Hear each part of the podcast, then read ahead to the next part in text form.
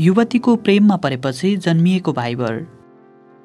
त्यो दिन सन् दुई हजार दसको डिसेम्बर दुई तारिक जुन दिन Talmon Marco Igor Magazinnik Ofer Smocha र सानी मोरोलीको सपनाको बाटो कोरिएको थियो। हो त्यहीँबाट उनीहरूले देखेको सपनाले उडान भरेको थियो।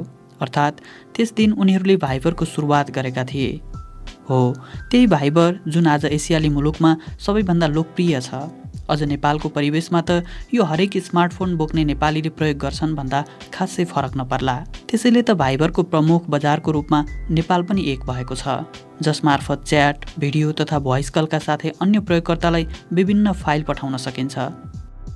सुन्दा यो अहिलेको फेसबुक मेसेन्जर स्काइप आइएमओ लगायतका एप्स जस्तै लाग्छ। तर यो अलि भिन्न छ। यो प्रयोगकर्ता मैत्री छ। यसमा प्रयोगकर्ताले सहज रूपमा आफ्नो अकाउन्ट बनाउन सक्छन् भने मोबाइलमा सेभ राखेको मोबाइल नम्बर यदि भाइबरमा कनेक्ट छ भने स्वत रूपमा भाइबरमा जोडिन्छ। यसले साथीहरूसँग जोडिन सहज बनाएको छ। यसलाई उच्च गतिको इन्टरनेट पनि आवश्यक पर्दैन। मोबाइल इन्टरनेट मार्फत नै प्रयोगकर्ताले भाइबरको मजा लिन सक्छन्। यसमा हालसम्म पैँसठी करोड प्रयोगकर्ता जोडिएका छन्। अझै पनि यो सङ्ख्या बढ्दो क्रममा छ। हाल यस कम्पनीको कार्यकारी निर्देशकको रूपमा मार्को रहेका छन् जो भाइबरका संस्थापक मध्येका एक हुन्। जब हामी भाइबरको उत्पत्तिको कुरा गर्छौँ त्यसमा माया जोडिएर आउँछ किनभने भाइबरका संस्थापक मार्कोले आफू कसैको मायामा परेपछि यस्तो एप बनाउने निर्णय लिएका थिए। मार्को आफू अमेरिकाको न्युयोर्कमा बस्थे अनि प्रेमिका अर्थात् हालकी उनकी श्रीमती लन्डनमा बस्ने। उनीहरू आफ्नो लामो समय फोनमै बिताउँथे। उनीहरूको समय फोनमै गइरहेको थियो। समय मात्रै नभएर पैसा पनि। मार्को यसको समाधान खोजिरहेका थिए। समाधानको रूपमा उनको दिमागमा भाइबरको अवधारणा आयो तर यसलाई साकार पार्न उनलाई लगानीको आवश्यकता थियो। त्यसैले उनले अरू दुईजना साथीहरूसँग आफ्नो योजना सुनाए। साथीहरू पनि उनको योजनाबाट प्रभावित भए तर त्यसको कारण आफ्नो साथीको प्रेम सम्बन्ध भने थिएन। थियो त बजार। त्यो समयमा यस्तै खालको म्यासेजिङ एप बजारमा प्रतिस्पर्धा गरिरहेका थिए। यही प्रतिस्पर्धालाई उनीहरूले अवसरको रूपमा हेरिरहेका थिए। मार्कोले एकपटक भनेका थिए प्रतिस्पर्धाले नै आविष्कार सम्भव भएको हो। यदि प्रतिस्पर्धा नभएको भए सायद आज हामीले यो सफलता हात पार्न सक्ने थिएनौँ। अघिल्लो वर्षबाट भाइबरले ब्रेक थ्रु गरेको छ अर्थात् नाफामा गएको छ।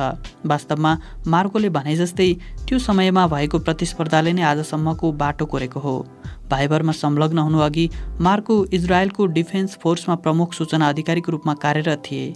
इजरायलमा जन्मिएका उनी अमेरिकामा हुर्किएका हुन्। जब उनी आर्मीमा भर्ना भए त्यतिखेर साथी म्याग्जेनिक र उनले आइमेस नामक फाइल सेयरिङ एप निर्माण गरेका थिए।